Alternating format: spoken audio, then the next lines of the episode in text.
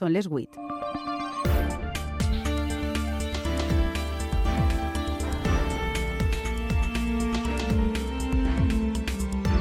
A punt. Les notícies de la nit. Amb Alba Requejo. Bona nit. El transport posa xifra als danys causats per les protestes del camp. 75 milions, 75.000 camions perdó, afectats a tot Espanya.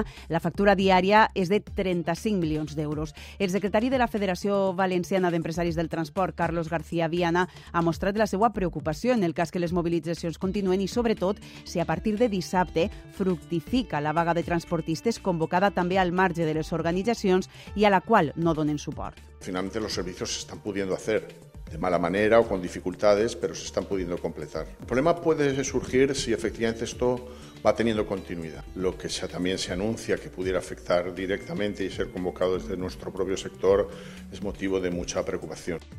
Avui els tractors han tornat a ocupar les carreteres per tercera jornada consecutiva per a reclamar la dignitat del camp. L'A3, al terme de Requena, ha sigut novament el punt calent de les mobilitzacions protagonitzades pels agricultors al marge de les principals organitzacions agràries, però també en altres punts de la xarxa viària. De seguida els donem més detalls. Tenim per davant 25 minuts d'informació. Sara Garcia, bona nit. Bona nit, Alba. Al control tècnic, Herminio Lozano. Anem amb tot.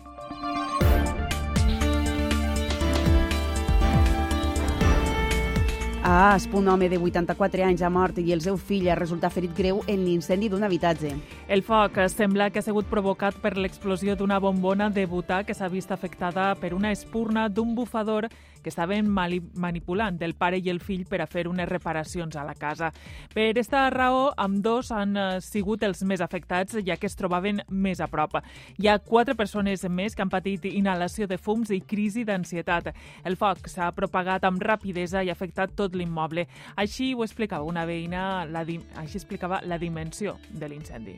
4 o 5 metros las la, la y explotando, pum, pum, pum, y la puerta cerrada hasta que la puerta la, se ha derribado, pero con unas llamas.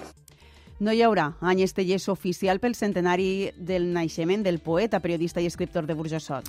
PP i Vox han votat en contra de la iniciativa de compromís. El PP havia proposat en una esmena instar al Consell a reconèixer la figura literària d'Estellers en compte de la declaració de l'any del poeta Vox. També ha dit no perquè considera que donar-li suport suposaria acceptar la unitat lingüística. Ho ha debatut Verónica Cruz, de Compromís, Verónica Ruiz, de Compromís, i José María Llanos, de Vox que el Partit Popular s'oposa per qüestions ideològiques a ficar en valor la figura i l'obra d'un poeta que ens representa a tota la cultura valenciana. No consideramos que defender nuestra cultura sea comulgar con personas que han defendido una unidad lingüística con Cataluña. Sí que hi haurà celebracions per Estellers en diversos ajuntaments i en les diputacions de València i Alacant governades pel PP. I de l'exterior, el president d'Ucraïna destituïx el cap de les forces armades i anuncia canvis en la cúpula militar. L'objectiu, segons el govern ucraïnès, és adaptar-se a la nova fase de la guerra davant de l'impuls de l'ofensiva russa que requereix un nou lideratge. Zelensky i Salunsny han subratllat la unitat del poder polític i militar a pesar del seu enfrontament públic dels últims mesos. I en els esports, nit de futbol i bàsquet, en esta sintonia, Gustavo Clementes, salutacions. Hola, Alba. El Llevant està jugant els quarts de final de la Copa de la Reina contra la Reial Societat. Va guanyant per un gol a zero a l'inici de la segona part. Ha marcat Andonova. A les 8 i mitja, València Bàsquet, Olimpiakos. A partir de les 8 i 25 ho viurem des de la banda i a les 11 i 5 l'anàlisi, com cada nit, en línia de fons.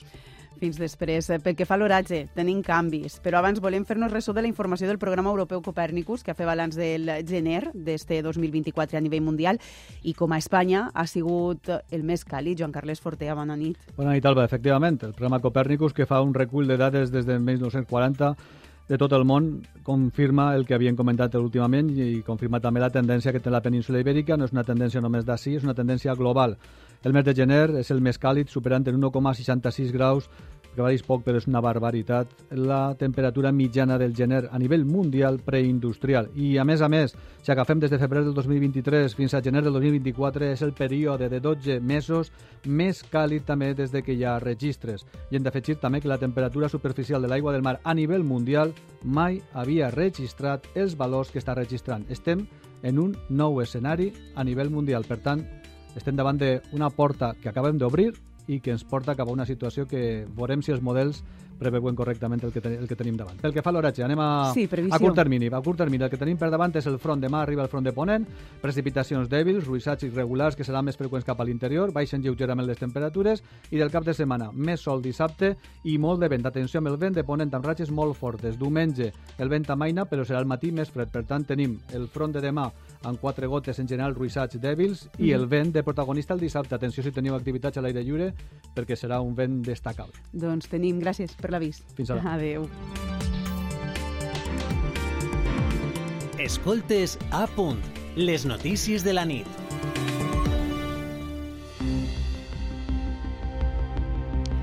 Tercer dia de protestes eh, dels treballadors i treballadores del camp. Els talls de carreteres han continuat en diversos punts de la comunitat valenciana, mobilitzacions que continuaran els pròxims dies per a visibilitzar la situació de l'agricultura que diuen continua agonitzant. Sí, els talls de carretera han continuat esta vesprada a, en la A3 a l'altura d'Utiel. En tres dies de manifestacions s'han posat centenars de multes i s'ha fet una detenció. Per això ara han deixat els tractors i fan les protestes a peu, com explica este agricultor de la zona. Parece que la Guardia Civil se estaba mosqueando un poco, en, ya hemos recibido varias denuncias, se han portado muy bien hasta el día de hoy, nosotros creo que también, pues hemos decidido cortar la autovía aquí andando. També hi ha hagut protestes a l'entrada d'un supermercat als afores de Requena i esta ha sigut la raó. Que yo venda la almendra a 0,80 céntimos y que usted vaya a comprar le cuesta 10 euros. Els tractors esta vesprada han ocupat les carreteres a Elx i Crevillent, al Baix Vinalopó. 80 tractors més han eixit este matí des de la Vall d'Alba amb unes reivindicacions molt clares. Les normatives europees ens estan ofegant, s'estan traient normatives des de les oficines de despatx que no tenen ni punyetera idea també les protestes han provocat embossos en diversos polígons industrials de la província de València des de primera hora del matí.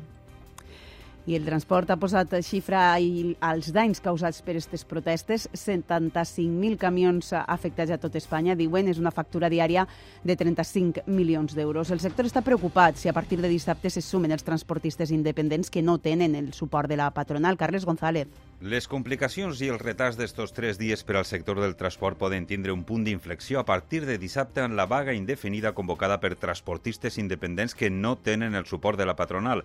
Mobilitzacions que el 2022 van aconseguir paralitzar el país. Carlos García Viana és el secretari de la Federació Valenciana d'Empresaris del Transport. Hay que reconocer que la actuación planteada en términos eh, respecto al transporte parecidos, pues sí puso en jaque las actividades económicas durante tres semanas.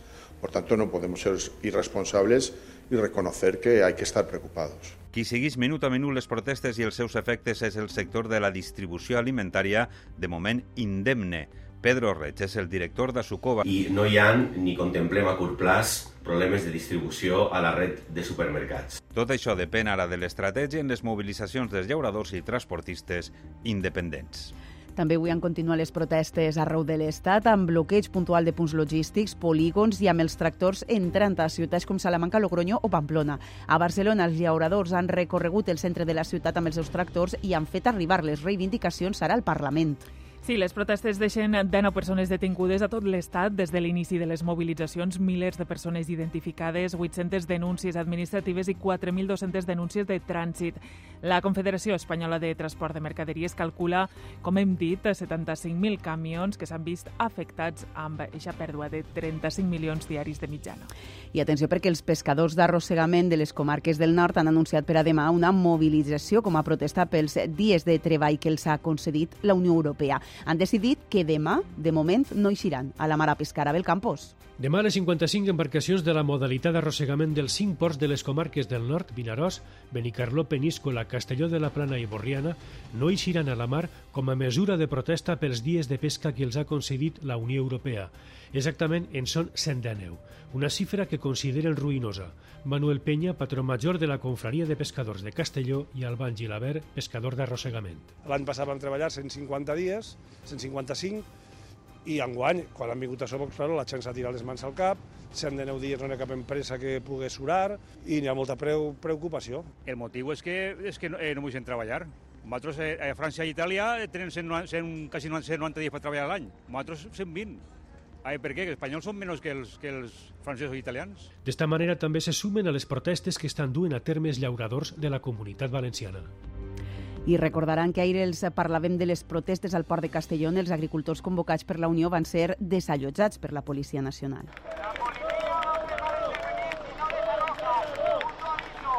Esta actuació policial ha sigut molt criticada pel PP i per Compromís, que la qualifiquen de desproporcionada.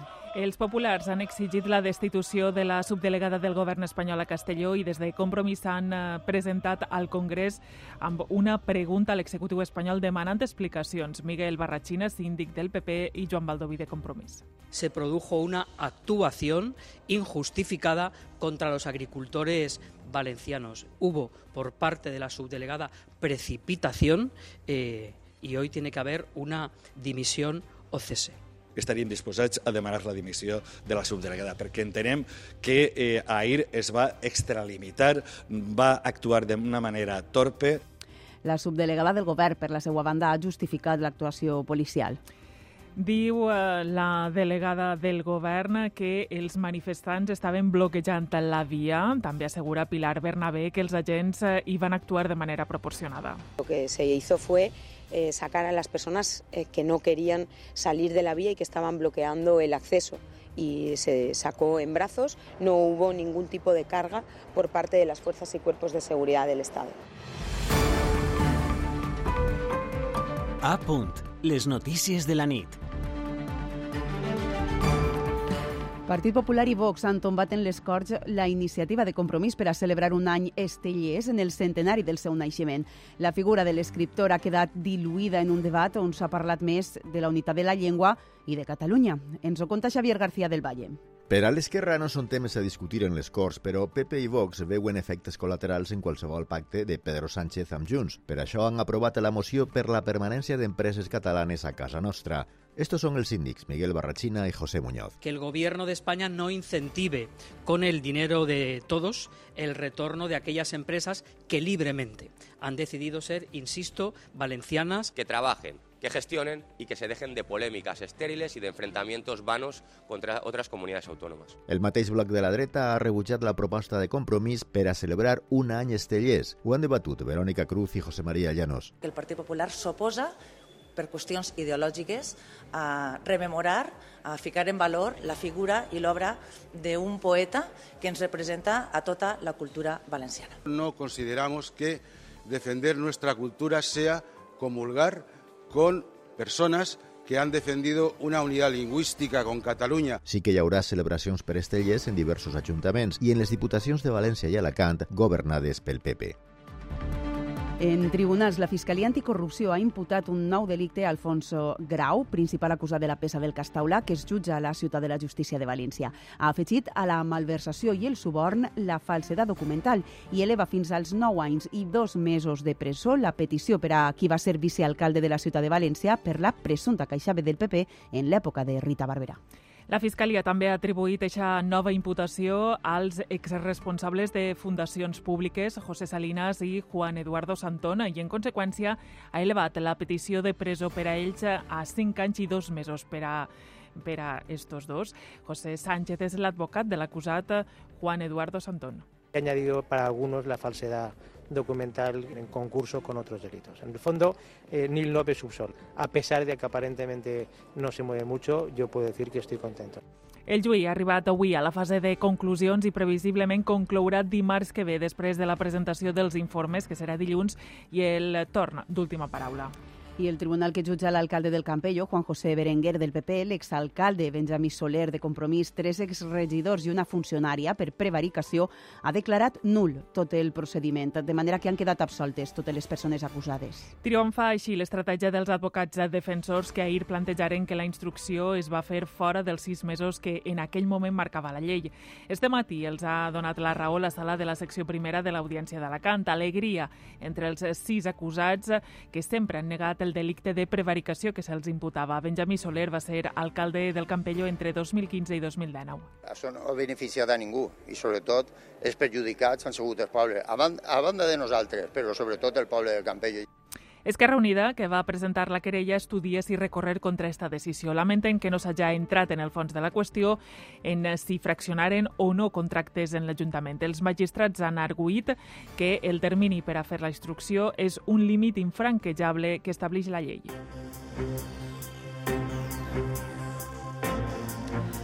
La nomenada Comissió de Venècia, l'òrgan consultiu del Consell d'Europa, ha arribat avui a Madrid per analitzar si la llei d'amnistia s'ajusta al dret europeu. La delegació d'experts independents s'ha mobilitzat a petició del Senat, amb majoria del Partit Popular. En poques setmanes emetrà un informe no vinculant. Ens ho conta Laura Ribes. Set persones independents i expertes en dret que aterren amb una agenda apretada que encara durarà uns dies. La primera parada ha sigut amb el ministre de Justícia, Félix Bolaños, que els ha assegurat que la llei d'amnistia respectarà el dret internacional. La segona al Congrés per a escoltar els grups parlamentaris. Els vocals de PP i Vox, Cayetana Álvarez de Toledo i Javier Ortega Smith, s'han mostrat convençuts que la Comissió de Venècia desmuntarà els arguments de la Moncloa i els independentistes. Que pierdan toda esperanza. Su eh, inconstitucional, antieuropea y corrupta ley de amnistía va a fracasar. Confiamos en que estos expertos van a calificar que esta ley es contraria a los más elementales principios del Estado de Derecho. Pilar Vallugera d'Esquerra ho veu amb altres ulls. Su interés era sobre todo procedimental y técnicas jurídicas y lo que han recibido han sido unos cuantos mítines. Esta vesprada s'han reunit amb el president del Consell General del Poder Judicial i amb els partits polítics al Senat. Demà escoltaran el Tribunal Constitucional i juristes especialitzats. I per cert que el Parlament Europeu ha reclamat avui que s'investigue si hi va haver ingerències russes a Catalunya durant el procés. En la resolució de l'Eurocambra s'ha demanat una investigació interna en l'àmbit europeu i una altra en l'àmbit estatal. El text no vinculant denuncia de manera global la manipulació russa en processos democràtics a Europa. La resolució ha tirat avant amb 432 vots a favor, 56 en contra i 18 abstencions. Ha comptat també el suport de Partit Popular, PSOE, Ciutadans i Vox, mentre que Esquerra Republicana, Esquerra Republicana, Unides Podem i Junts l'han rebutjada i el PNB s'hi ha abstingut en la votació Carles Puigdemont no ha participat. Ara bé, ha fet públic esta vesprada un comunicat on assegura que si hagueren fet Feijó president, tot això és textual, no passaria. Escoltes a punt. Les notícies de la nit. Este migdia, actes de rebuig per l'assassinat d'una dona al Fas del Pi, víctima de la violència masclista. S'han guardat minuts de silenci a la delegació del govern espanyol a València, a la subdelegació d'Alacant i a l'Ajuntament de Castelló. També a les Corts han guardat un minut de silenci, tot i que en este cas s'ha tornat a escenificar la divisió entre els diferents grups en relació amb el missatge de condemna. Una divisió visualitzada a través de dos pancartes diferents. Els grups que estan en el govern, el Partit Popular i Vox, han reclamat el final de la violència contra les dones i l'oposició, el PSPB i Compromís, han rebutjat la violència masclista. El cas és que l'Alfàs del Pi viu el segon dia de dol dels tres que ha decretat l'Ajuntament per l'assassinat de gènere d'una de les seues veïnes. Era mare de dos fills que es queden orfes. És la primera víctima masclista d'enguany a la comunitat valenciana. La parella, detinguda com a presumpte autor del crim, passarà demà divendres a disposició judicial. El subdelegat del govern espanyol a Alacant, Juan Antonio Nieves, ha confirmat avui que la Guàrdia Civil va mantindre diumenge comunicació telefònica amb la dona assassinada. Eixe contacte s'emmarcava en el protocol 0, una ferramenta del sistema Biogen destinada a orientar l'actuació d'ofici de les forces i cossos de seguretat de l'Estat quan hi ha coneixement de maltractaments o trencament de les mesures de protecció independentment que l'afectada ho denuncie o no. L'examen forense al cadàver ha revelat que el crim va tindre lloc en la matinada de dilluns, segons fonts del cas, per tant, poc després de la telefonada rutinària. El subdelegat ha explicat que les forces i cossos de seguretat de l'Estat treballen per evitar els assassinats, tot i que ha reconegut que cal millorar encara més els protocols. Tendremos que seguir trabajando en mejorar todos los protocolos, se evaluará todas las situaciones producidas, porque siempre se evalúan en este tipo de casos para mejorar y para al final proteger a todas las posibles víctimas. Una forta explosió en una vivenda d'Aspa ha provocat esta vesprada la mort d'un home de 84 anys. Avui és dia festiu a la localitat, és l'anomenada Festa de la Gira, on les famílies es reuneixen per a celebrar carnestoltes. Este succés ha commocionat el, veïn, el veïnat. Tot apunta que l'explosió estaria causada per una botella de butà. Teresa Coll ha estat al lloc dels fets. Bona nit. Així és. A la vivenda també hi havia més membres de la família i a causa de l'explosió també ha resultat ferit greu el fill, que ha sigut traslladat en helicòpter a l'Hospital de la Fe, amb cremades de segon i tercer grau que afecten un 60% de la superfície corporal. Antonio Puerto és l'alcalde d'Asp. Al parecer ha sido una bombona la que, la que ha, ha, ha ocasionado la, explosión y la que, pues evidentemente, pues ha hecho los daños de, propagación del fuego y reventar todo lo que todo lo que ha pillado por en medio. Al lloc de l'incendi han acudit diverses dotacions de bombers, d'emergències i cossos de seguretat. Tres homes han sigut atesos per inhalació de fums. Un d'ells, un home de 26 anys que ha entrat a la vivenda a socórrer les víctimes i altres dos policies locals. La dona de la víctima també ha sigut atesa per una crisi d'ansietat. L'Ajuntament d'Asp ha decretat un dia de dol a la localitat i continua ingressat en estat crític i amb pronòstic reservat l'home que ahir va ser agredit amb una pedra al cap del llit del riu Túria, a València, on dormia. L'agressor es va presentar en una comissaria després d'agredir el ferit i matar un altre home d'un cop al cap. L'home continua detingut i encara no ha passat a disposició del jutjat quan li faran una exploració psiquiàtrica, ja que les primeres investigacions apunten que va patir un brot psicòtic. Però aquesta agressió revela inseguretat, la inseguretat que pateix este col·lectiu de les persones sense llar. Ho explica Juan Manuel Rodilla, secretari de la plataforma Sense Llar de València. Les dades de l'últim cens que se va realitzar al carrer, 8 de cada 10 persones havien rebut algun tipus de violència mentre, durant la seva estada al carrer i una de cada 4 dones, desgraciadament, violència sexual i a Castro Urdiales. Dos menors estan detinguts per presumptament haver assassinat la seva mare adoptiva. La Fiscalia ha sol·licitat al jutjat de menors sis mesos d'internament per al de 15 anys en considerar-lo autor del crim, mentre que el de 13 és inimputable i ja ha ingressat en un centre de protecció de menors. Encara commocionada, la població de la localitat càntabra ha guardat un minut de silenci per la dona de 48 anys presumptament assassinada pels fills adoptius. La línia d'investigació ha apuntat des del principi als germans. La Guàrdia Civil va trobar el cadàver de la dona amb signes de violència a l'interior del cotxe del garatge de sa casa. L'àvia va avisar els agents després que els menors simularen un segrest.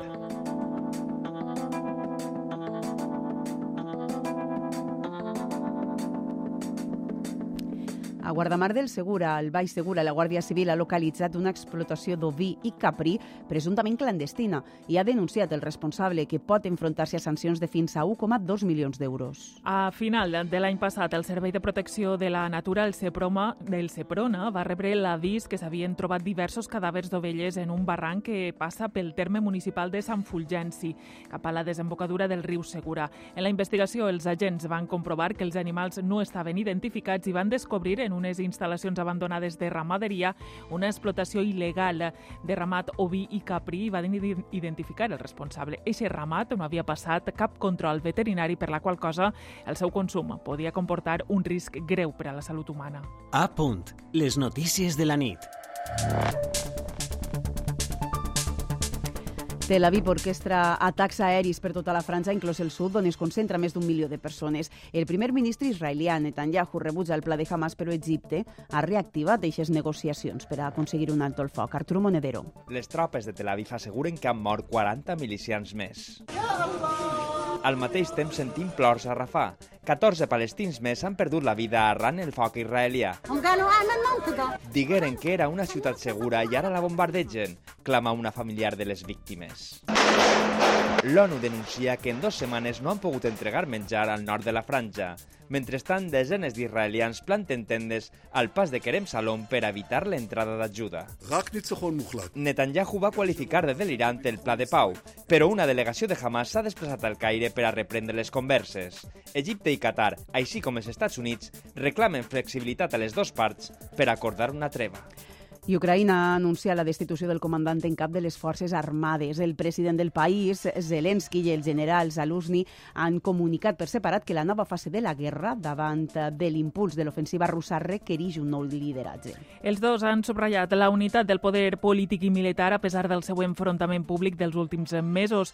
Zaluzny és considerat un heroi nacional i rivalitza en, popular, en popularitat amb el president ucraïnès Zelensky, que ja ha fet públic que el seu successor com a cap de les Forces Armades és Oleksandr Sinsky. Les notícies de la nit. Estoy en un buen momento. Solo era cuestión de tiempo. Voy a salir a la calle a gritar lo que siento a los cuatro vientos. Si salgo sola, soy la zorra. En pocs dies, eixa zorra nascuda a Ondara a mans de Nebulosa ha corregut per mig món i ja l'hem pogut sentir traduïda a diferents llengües. El problema principal en què s'han trobat les versions ha sigut precisament buscar-li adaptació a aquest terme, zorra, zorra, en sentit figurat. La versió anglesa és la que s'ha triat per a Eurovisió per a acceptar el terme vixen i no pitch, com es pensava en un moment. Tot i que a les xarxes hi ha intèrprets que no han tocat la paraula clau. Escolten. I'm alone, I am the Thora. I'm must be a horror. A TikTok, així de bé sona la versió en italià més identificable per a nosaltres. Lo so che son solo una troia, che il mio passato ti divora. I ja sense lletra, esta versió de la Bongo Band d'Albatera en línia patxanguera, una aposta ferma que de segur que triomfa en les festes dels pobles.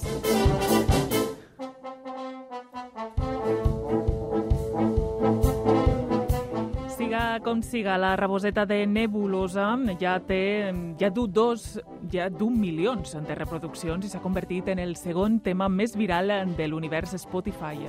Ya sé que soy solo una zorra,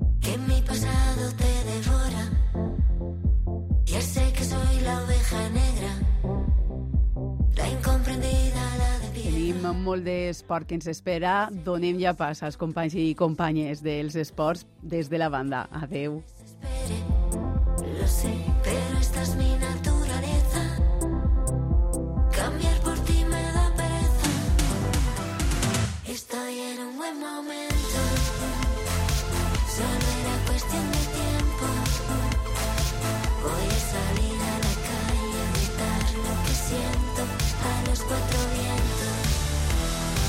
Si salgo sola soy la zorra. Si me divierto la más zorra. Si alargo y se me hace de día. Soy más zorra todavía. Cuando consigo lo que quiero. Jamás es porque lo merezco. Y aunque